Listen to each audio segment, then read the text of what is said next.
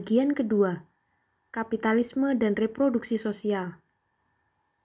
Dalam hidup, manusia melakukan dua hal, produksi dan reproduksi. Selain biologis, mereka juga memiliki dimensi sosial untuk keberlangsungan hidup.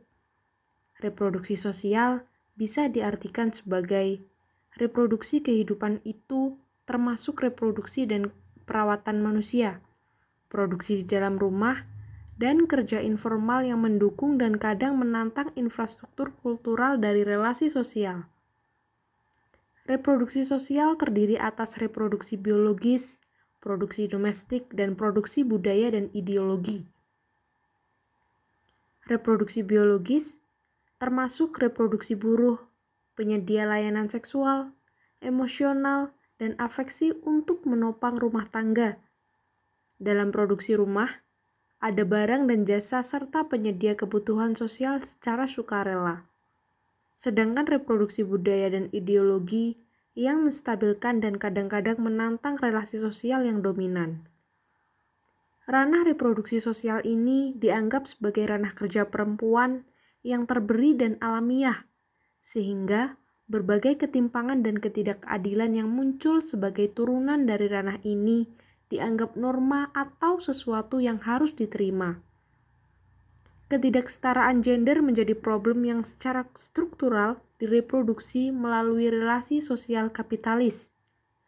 Kemunculan kapitalisme sendiri erat kaitannya dengan penindasan perempuan di dalam proses akumulasi primitif.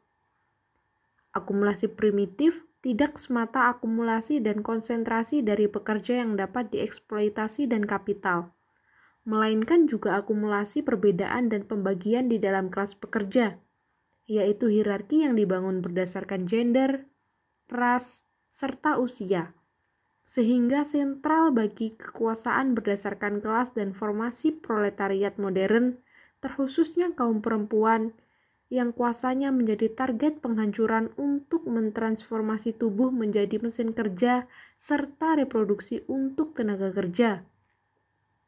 Secara singkat, kapitalisme adalah sistem di mana kepemilikan alat-alat produksi dan kekuasaan modal serta kekuatan ekonomi dikuasai oleh segelintir orang yang bergantung pada eksploitasi, penindasan, atau penghisapan mereka terhadap mayoritas orang yang berstatus sebagai pekerja. Namun, berbeda dengan zaman sebelum kapitalisme, di mana sistem feodalisme dan perbudakan terjadi kapitalisme beroperasi melalui apa yang disebut sebagai mekanisme pasar. Artinya, praktek eksploitasi, penindasan, dan penghisapan atas kaum pekerja tampak seperti suatu bentukan kebebasan atas dasar negosiasi permintaan di pasar kerja. Padahal, secara struktur mekanismenya dipenuhi oleh berbagai bentuk eksploitasi terselubung maupun tidak karakter pembangunan di tingkat global yang lekat dengan kapitalisme, termasuk di Indonesia, menjadi kontradiksi. Di satu sisi, pembangunan mencoba melibatkan semua orang, termasuk laki-laki, perempuan, bahkan anak, ke dalam proses produksi. Di lain sisi, ada upaya untuk mempertahankan kerja reproduktif sebagai tugas perempuan untuk meminimalisir biaya kerja baik oleh perusahaan maupun negara. Aspek ini membuat perempuan menjadi tenaga kerja yang rentan dieksploitasi.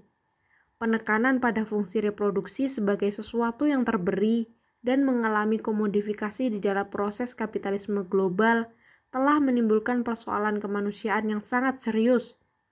Salah satu contohnya, sebagai yang dilansir oleh Organisasi Kesehatan Dunia WHO, yang menyatakan bahwa tren global dan faktor ekonomi berdampak pada kekerasan seksual sebagai berikut. Tren global, misalnya perdagangan bebas, telah diiringi oleh peningkatan pergerakan perempuan dan remaja perempuan di seluruh dunia sebagai pekerja, termasuk untuk pekerja seks. Program penyesuaian struktural ekonomi yang dibawa oleh lembaga internasional telah menampakkan kemiskinan dan tingkat pengangguran di beberapa negara, dan karenanya meningkatkan kecenderungan trafficking untuk eksploitasi dan kekerasan seksual. Ini khususnya terlihat di Amerika, Karibia, serta bagian Afrika.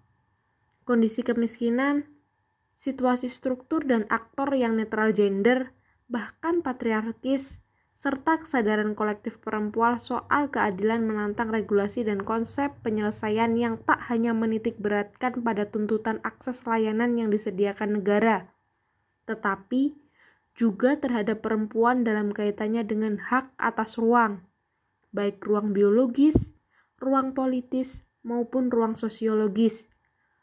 Tubuh perempuan dalam kebijakan pemerintah terlupa namun kerap dipetakan sebagai wilayah politik tidak memiliki otonomi dalam relasi kultural serta produksi reproduksi, sehingga selalu dalam situasi rentan untuk mengalami kekerasan seksual.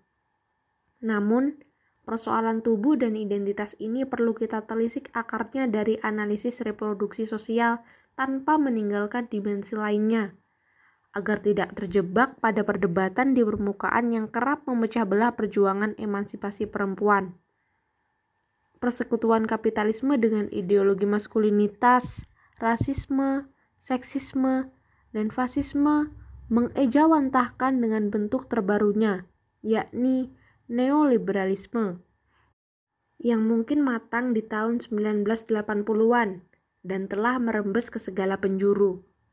Kapitalisme memang membentuk cara pandang kita dari hal yang makro hingga mikro Kapitalisme mendapat untung dari berbagai bentuk penindasan gender, ras, etnis, dan kelas. Sementara itu, terma kesetaraan gender ala liberalisme dalam kesejarahannya memiliki semangat pembebasan yang problematik, utamanya karena ia tumbuh dari global north beriringan dengan era kolonialisme Eropa. Pada perkembangannya, feminisme liberal justru terkooptasi oleh kapitalisme.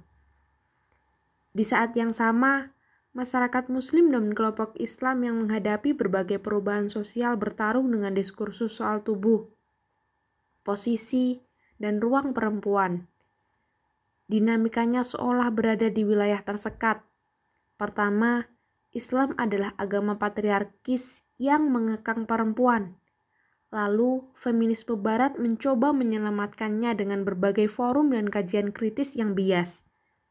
Kedua, Islam adalah agama yang melindungi perempuan dalam doktrin yang ketat sehingga semua perspektif, analisis, dan paham dari luar adalah sesat. Dan yang ketiga, lembaga asing beserta donor mereka mempromosikan dan mendukung beragam kegiatan pemberdayaan dan kesetaraan gender dari berbagai kelompok Islam yang dianggap reformis, moderat, atau bahkan liberal. Pintu masuk untuk membawa wacana feminisme atau kesetaraan gender dalam Islam di Indonesia umumnya dilakukan di isu hak reproduksi perempuan dan dihukum keluarga dalam teks-teks keislaman. Selain dari partisipasi perempuan dalam politik formal dan pemberdayaan ekonomi, problem yang dianalisis feminisme beragam dalam banyak konteks. Tapi yang paling urgent dan mengakar saat ini adalah melihat fragmen-fragmen ini dalam keterhubungannya dengan dampak kapitalisme yang multidimensi.